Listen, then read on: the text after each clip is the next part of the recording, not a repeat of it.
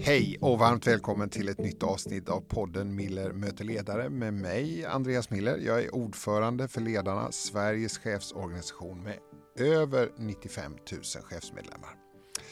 Idag ska jag träffa en sann entreprenör med ett stort driv. Han brinner för att göra teknik lättillgänglig för alla. Hur har han gjort för att anpassa sitt företag till gig-ekonomin?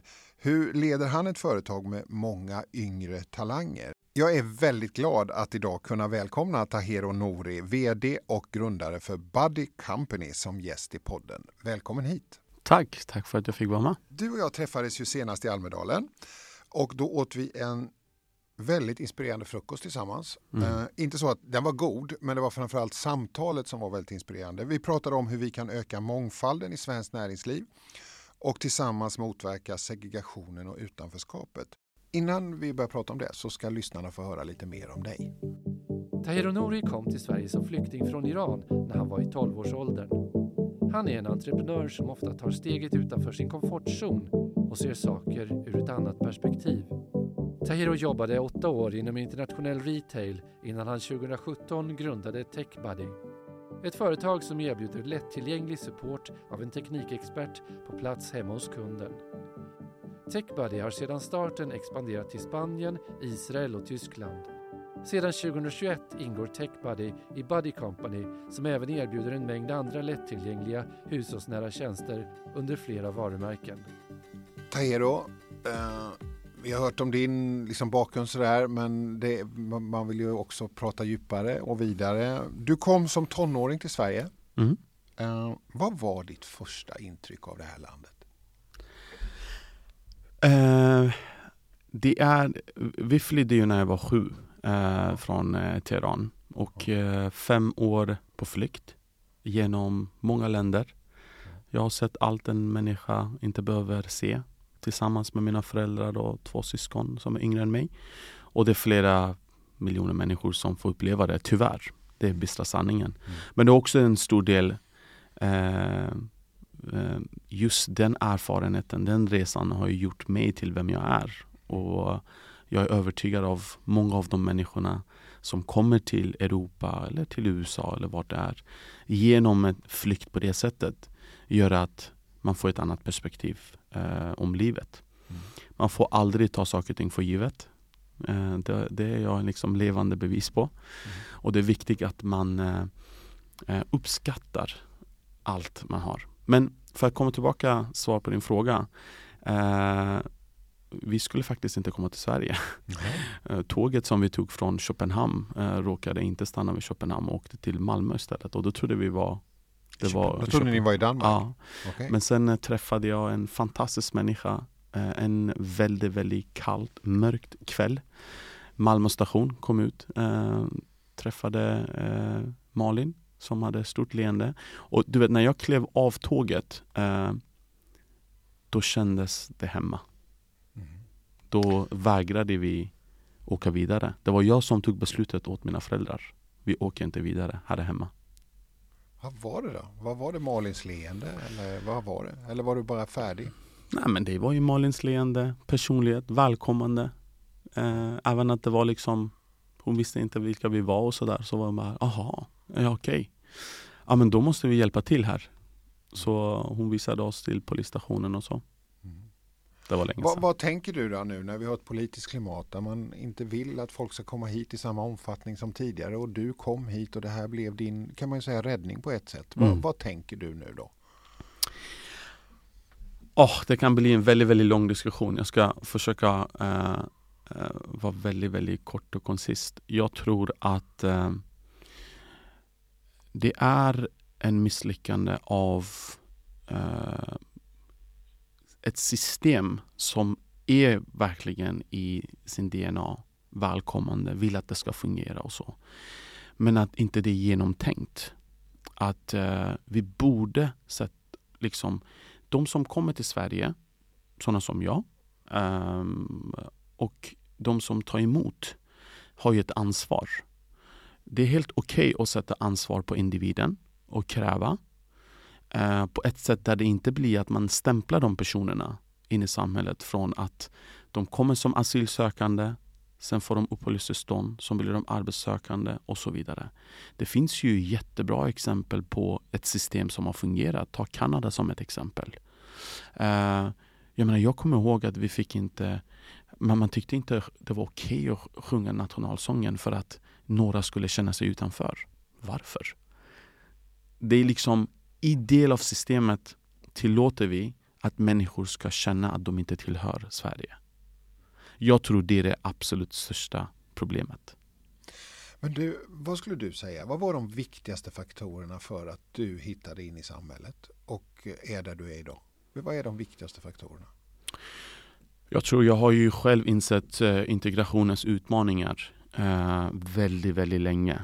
Eh, jag menar, du vet eh, när eh, familjer kommer till Sverige då vänder ju den här pyramiden. Oftast är det ju du vet föräldrarna som är ansvariga, det är de som bestämmer i familjen. I, eh, Men i länder. ditt fall så var det du som bestämde, nu stannar vi. Ja, då stannar vi och då vänder ju också det här. Då blev jag både bror, eh, pappa, mamma, för det var jag som kunde språket mm. från början. För du talade mig... engelska då eller? Ja, ja exakt. Eh, och, eh, och det blir ju liksom att något sort av att eh, jag, jag har jättemycket upplevelse av liksom den utmaningarna vi har haft i Sverige och jag tittar på det väldigt noggrant idag också. Jag hoppas att någon dag lyckas jag öppna upp 2% av de möjligheterna, nu bara slänga en siffra men väldigt få liten procent av de möjligheterna jag har som person varje dag för alla andra människor då skulle det här samhället gynnas otroligt mycket av de som kommer med ny kraft, med ny vision. De har ju lämnat sina hemländer. Det här blir deras nya hemland. Och att få dem att liksom integreras och se sig själva att det här är deras nya hemland.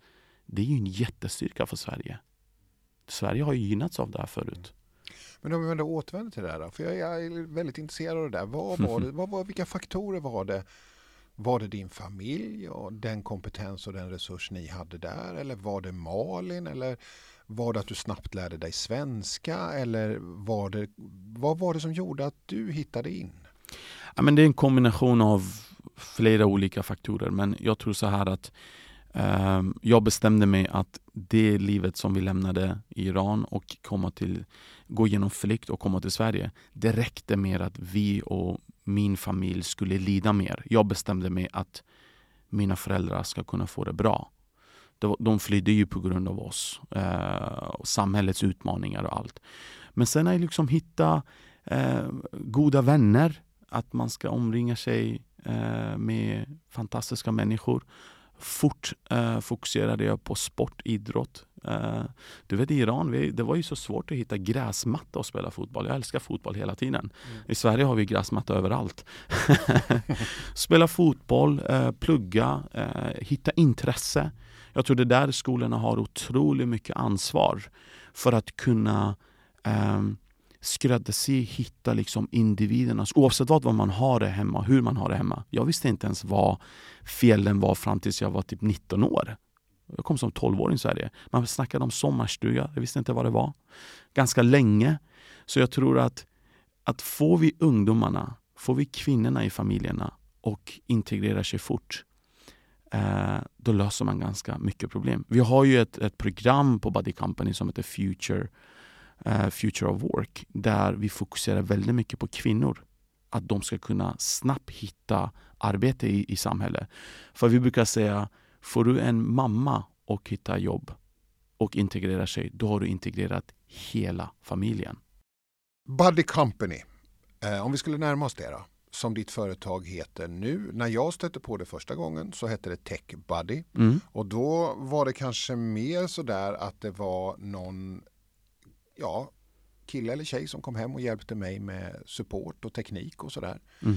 Uh, hur ser den typiska kunden ut på Bud Company idag?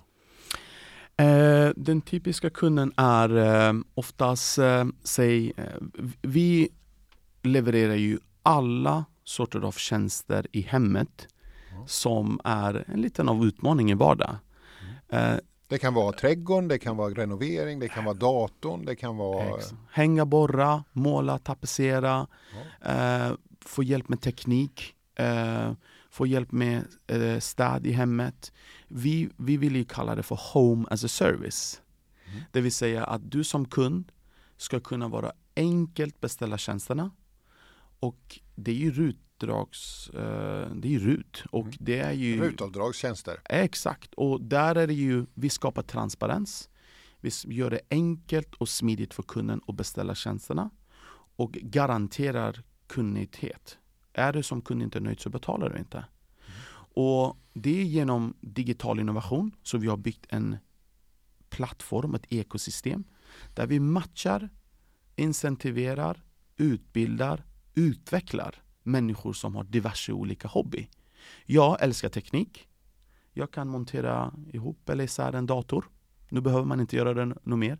Men det gjorde jag när vi var flyktingläge. Så jag byggde mina egna datorer och sålde. Mm. Uh, och, och, då kan jag gå till någon som har jättemycket utmaningar. Sonos-systemet funkar inte, datorn kommer inte igång, streaming, man, man klagar alltid på att kanske det är för segt internet. Man kanske vill ha bättre internetuppkoppling på altanen.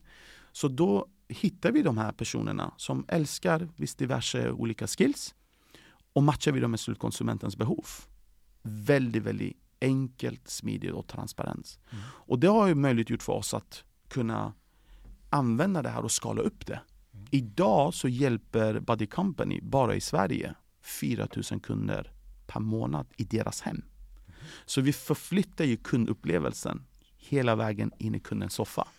Men du Tahero då, om vi tittar, vem är den typiska buddyn? Vem är det som kommer hem?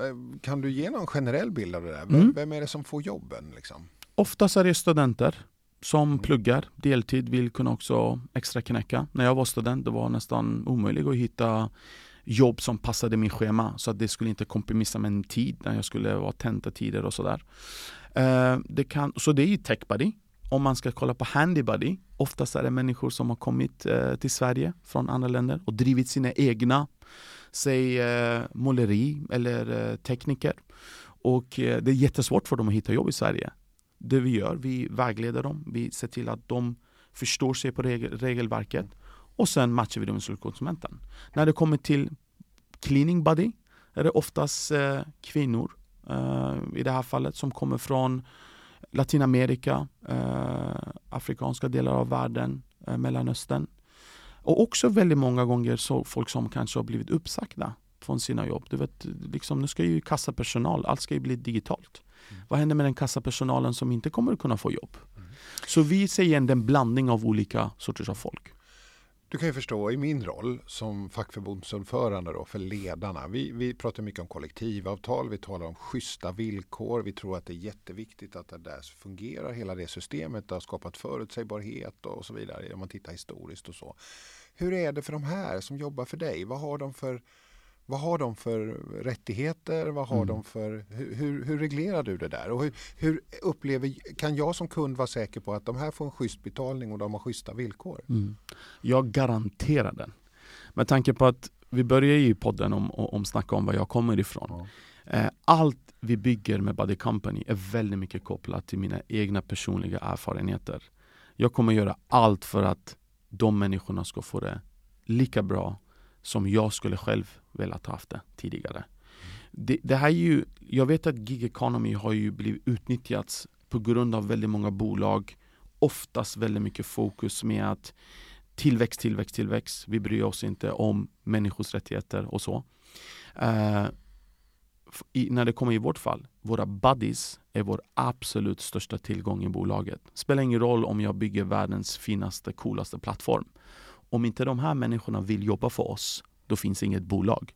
Så det finns en hållbarhetstanke att genom digital innovation med fantastiska personer och deras kompetens så skapar vi värde för slutkonsumenten. Men i somras sa du att du hade kollektivavtal på dina buddies. Har du det? Nej, det, du tänkte på Jepster ja. som gick ut och kommunicerade att de hade det. Ja. Men däremot våra buddies, vi tar hand om deras arbetsgivarkostnader. De är försäkrade.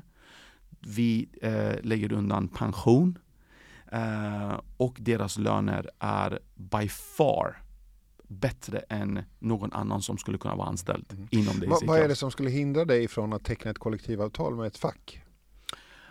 Det behövs ju inte. Alltså det är ju, det är om, om, om vi, vi har, den här diskussionen har funnits ganska länge mm. med med om att vi behöver eller inte behöver göra det.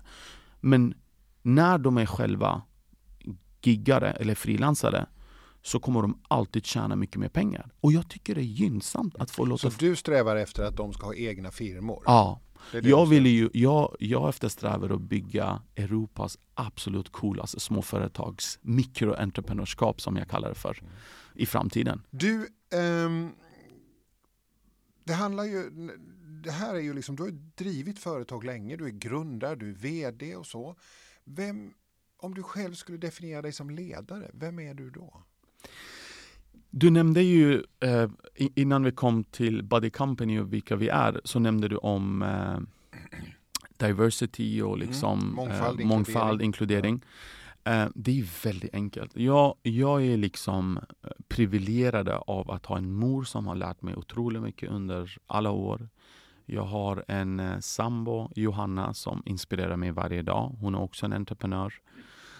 Jag har en syster som är min medgrundare. Uh, det, det, man, man, man behöver inte komma så långt för att förstå vilka människor som inspirerar oss. Och det borde vara ju en, en du kopierar det bara i, i uh, verksamheter och organisationer. Men om vi går då till din mamma. Vad var det din mamma lärde dig? Styrka. Okej. Okay. Mm. Styrka i vilken bemärkelse? Ja, men, never give up. Och eh, hon liksom, det här är ju ganska intressant. Man tror ju liksom hur det här är ju med Mellanöstern och sånt där. I Iran är ju mammorna som är presidenten. De bestämmer allt. Mm. Inte, inte pappa. Mm. Ja, men hon, är ju, hon har varit entreprenör. Hon har varit en superentreprenör. Mm. Uh, jag kommer ihåg hon hittade på alla möjliga grejer. Nu var jag väldigt ung. Jag var sju, åtta ish när vi lämnade Iran. Men liksom, min mamma var ju alltid den här duktiga liksom, entreprenören. Var hon entreprenör här i Sverige också? Nej. Hon har ju, det har varit väldigt utmanande för dem att liksom hitta det sättet. Mm. Uh, men, uh, men jag köpte en verksamhet för dem, en, liksom, en eh, uh, 7-Eleven-ish i Västerås som de drev i 12 år och så. Så de, de, men de har ju också barn som hjälper dem med allt de här komplexa, det är inte komplext, men det är den komplexa upplägget av att driva bolag. Mm. Um, men du, om vi går till dig som ledare då, och som chef, vem, vem eh, liksom, hur mycket är liksom när du ska driva de här företagen och så, vad är viktigt för dig? Vad är det viktigt att folk uppfattar dig som? Eh, jag tänker inte alls på hur folk ska uppfatta mig. För att om Nej. jag tänker på vad alla människor tänker om mig så kommer jag inte kunna ha tid med mig själv. Mm. Men däremot så är jag eh, Jag är väldigt öppet om allt. Mm. Det är väldigt, väldigt transparent. Går det dåligt så säger jag det. Går det bra så säger jag. Eh, som startup så är ganska ofta pengarna på väg att ta slut. Då säger jag. Så jag tror att det, vad man ser är vad man får med mig. Uh, och, uh, och det är väldigt viktigt att kunna också vara en inspirerande ledare. Mm. Och det jag hoppas att jag kan fortsätta vara, för att uh, att vara inspirerande det är en, en verkligen en privilege för mig. Mm. Ehm, att jag får stå här och prata om mitt liv. Who cares egentligen? Men att liksom du har kanske baserade på de diskussioner jag har sett och tycker att, ja men Tairo, vi borde ju spela en podd. Mm. Och jag tycker att det blir alltid den här effekten av att paying forward. Det är många människor som har hjälpt mig att komma hit jag är idag. Och enda ambition jag har med mitt liv att kunna pay it forward. För att går det bra för alla så går det bra för mig. Men du, eh, det där då, liksom att eh, att vara ledare som du säger. Jag säger, jag säger att nu, det här går bra, det här går mindre bra. Så, hur, hur ger du feedback till dina medarbetare och så? För det är inte alltid så kul att säga att det här var inte så bra, det här går inte bra. Hur jobbar du med dem? Hur jobbar du med det? Hur får du dem att, okej, okay, då brinner jag lite till, då försöker jag lite till. Eller mm. vad tänker du? Ja, men jag har ju min bakgrund, jag jobbade i åtta år eh, inom internationell retail. Jag jobbade eh, stora tyska bolag. Mm. Eh, det, ska, det behöver vi faktiskt komma tillbaka. Det är också en stor del av mitt liv. Eh, att komma som en svensk till Tyskland. Det var där alla dörrar öppnades för mig. Det var inte i Sverige. Mm. Eh, men jag har lärt mig ganska mycket av den resan. Okej. Det var en decentraliserad verksamhet.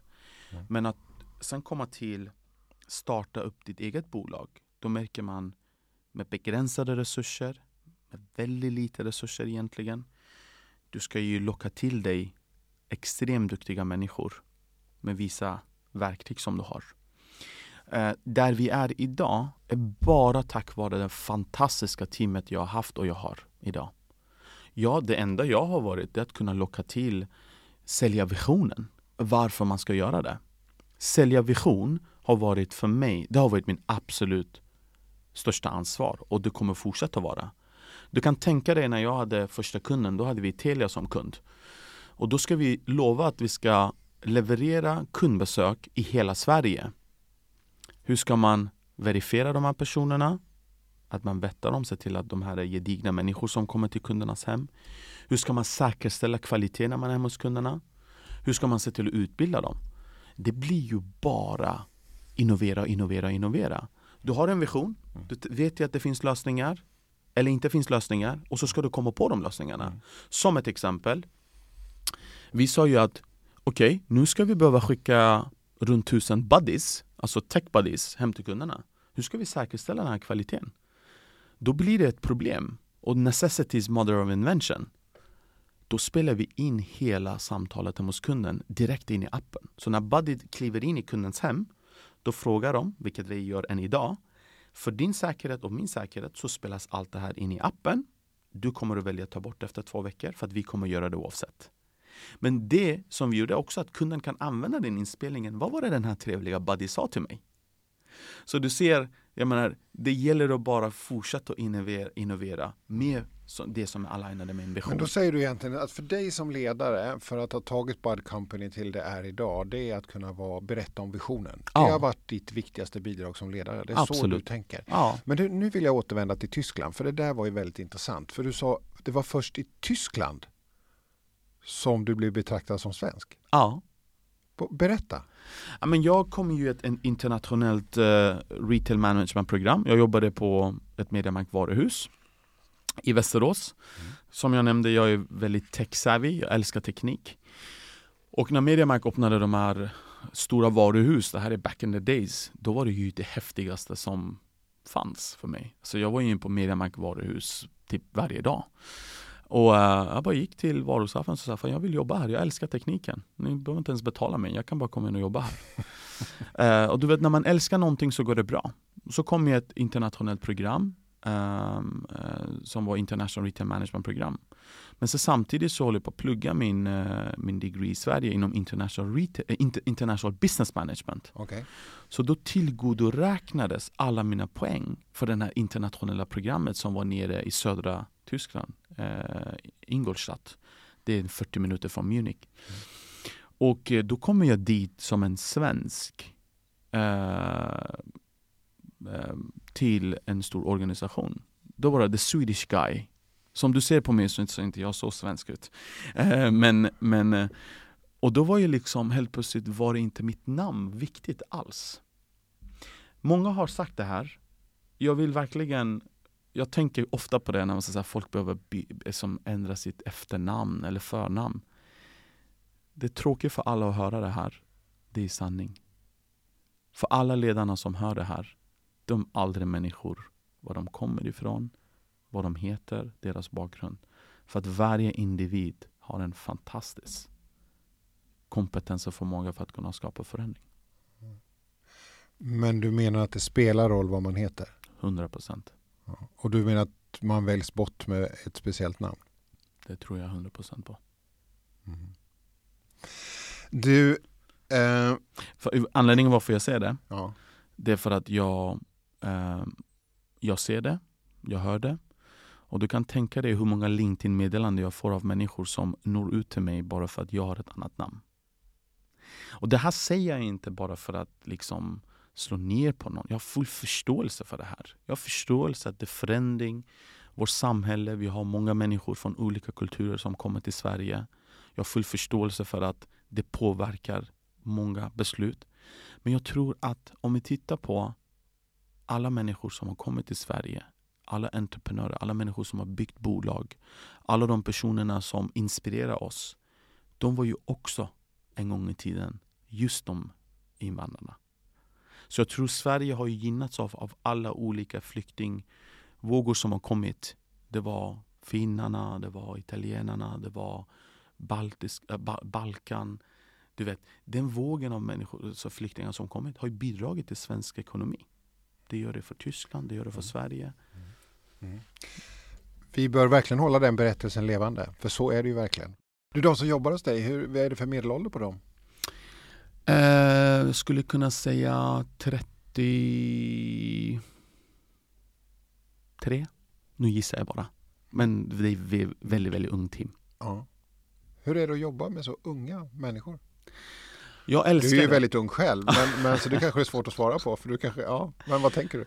Nej, men jag har ju aldrig tänkt på ålder på det sättet. Men eh, det är ju så givet att som bolag som oss, det är oftast många yngre som söker sig till oss. Um, för att det är spännande, för att det går fort, det händer så mycket. Uh, men jag, jag säger så här att man, man jag älskar jag, jag, nämnde det här och jag ska faktiskt upprepa det för att det är så viktigt att komma ihåg det. Det är så många människor som har hjälpt mig att komma hit där jag är idag. Det enda jag tänker på, hur kan jag hjälpa en annan människa på det sättet? Inte för att det ska låta, det, det ska inte vara kliché, utan att det är så här, det är ju sanningen. Om det går bra för alla andra så kommer det gå bra för mig också. Och för att få kunna hjälpa andra människor så skapar det en, mm. jag menar, en gott karma. Om man ens tror på karma. Men liksom, det, det kommer tillbaka. Och unga människor, jag, så här, jag är väldigt, väldigt eh, eh, alla som ska anställas i vårt bolag, sista intervju sker med mig. Vi har en sån där liten princip. Och det jag gör, det är så här, du vet vad du kommer ge dig va? Du vet att du kommer? Ja, men jag, jag, den här transparens som jag nämnde, det kommer vara jobbigt, det kommer vara mycket, du kommer utmanas, du kommer att tycka jobbigt, men du kommer lära dig otroligt mycket. Det vet jag. Alla som har varit hos oss och lämnat sig så här, jag lärde mig så sjukt mycket. Och det tycker jag räcker. Det är mitt ansvar. Att människor som kommer dit, om jag berättar för dem att det kommer vara utmanande, men du kommer lära dig mycket och jag lever upp till det. That's more than enough för mig. Mm. Varför är det viktigt för dig att möta alla som du... du alltså jag tänker det, det är kultur. Ganska, kultur? Ja. Och då är det det här du vill förmedla, eller vad vill du förmedla mer? Nej men jag vill ju förmedla, jag vet ju att ingen kommer att kunna kanske förmedla den visionen jag har om det här bolaget som jag gör. Jag hoppas att bolaget kommer fortsätta ha många ambassadörer som gör det här, vilket vi har. Mm. Uh, men jag tror det är också så här, det är en så stor del av mig, eller om inte det är nästan allt jag har. Det här är min identitet. Det här bolaget är min identitet. Då blir det oftast att jag förklarar det här. Och då pratar jag väldigt mycket om min far och min mor som aldrig fått jobb. Jag, var jag kommer ifrån, vad jag har upplevt, mina utmaningar och det är därför jag gör det här bolaget. Passar det här dig? Tror du det kommer kunna tycka det här är kul? Och sen, ja absolut. Och ofta säger många människor som kommer så här, har på ett eller annat sätt, direkt eller indirekt, samma upplevelse. Och då är det så här, det här bolaget handlar om att ge alla människor en andra chans. Och ditt jobb kommer att vara väldigt, väldigt viktigt oavsett var du jobbar. Oavsett vart, om du jobbar med produktutvecklingen eller du jobbar med finansavdelningen. Du kan bidra. Och det gör ju att det blir väldigt, väldigt öppet från dag ett. De vet ju att alltid de kan komma till mig. Händer det någon gång när du sitter i det här samtalet att det slutar med att man inte jobbar hos dig? Det har faktiskt inte skett. Nej. För att teamet har gjort ett fantastiskt bra jobb att förklara det här att mm. det kommer vara en sista intervju med Tairo också. Och du kommer få höra det här. Mm. Eh, väldigt roligt att ha dig med i Millermöte ledare. Du, jag tänker så här i slutet av podden så brukar jag alltid ge gästen en möjlighet att ge ett råd till chefer och ledare som lyssnar på podden. Mm. Och jag tänker så här, du jobbar ju väldigt mycket med många yngre människor mm. och eh, talanger och så. Vad, någon som jobbar med det vad, eller ska gå in i ett sådant uppdrag eller så. Vad tänker du, vad är det bästa rådet du kan ge till dem? Eh, jag skulle säga så här. eh, eh, jag, ehm, det är väldigt viktigt att ehm, komma ihåg att det finns mycket mer talanger där ute. Det jag nämnde, speciellt med olika kulturer, människor. Mångfald är en styrka. Och om jag ska bara nischa det här till vår Sverige För vi har jättemycket utmaningar i Sverige. Jag gillar ju det här med att man ska ju lösa globala lösningar, problem och så vidare. Men det är viktigt också att tänka på vad vi har för utmaningar här på hemmaplan. Vi lever idag i en väldigt segregerad samhälle. Det kommer att vara fortsatt väldigt stor del av våra utmaningar. Uh, det är väldigt viktigt att satsa på mångfald, satsa på innovation och uppdela organisationen oftast på att inte förvänta sig att du kommer få resultat här och nu. Men det kommer att komma långsiktigt. Uh, och unga människor, de har väldigt lite tålamod. Uh, det är lite Gen utmaning skulle jag säga. Men att man kanske har det kontinuerliga beröm, kanske var sjätte eller var nionde månad, ge en sort of promotion, utveckla personer. Och inte glömma bort det, de här generationsskiftet som vi har idag är ju också en stor del av att vi kanske i vissa industrier inte har alls talanger och på andra industrier har vi kanske för många. Så det är väldigt viktigt att man ser innovationen, nya grejer, inte begränsa utan att ge den en tid. Eh, för att innovation tar tid, förändring tar tid. Om inte vi investerar i förändringarna så kommer vi ligga efter. Mm. Så chefer och ledare ska ha ett öppet sinne, är det det jag hör dig säga? Väldigt, väldigt öppet sinne. Mm. Vi pratade om det här, kommer ihåg i Almedalen också, så här, människor, hur många, hur många personer, det, än idag oftast jag kommer till olika ställen, det är väldigt många som inte är lik vårt samhälle. Stort tack Tahero Nouri ska jag säga. Du, eh, jättekul att du kom hit. Jag tack för idag. Det. Tack.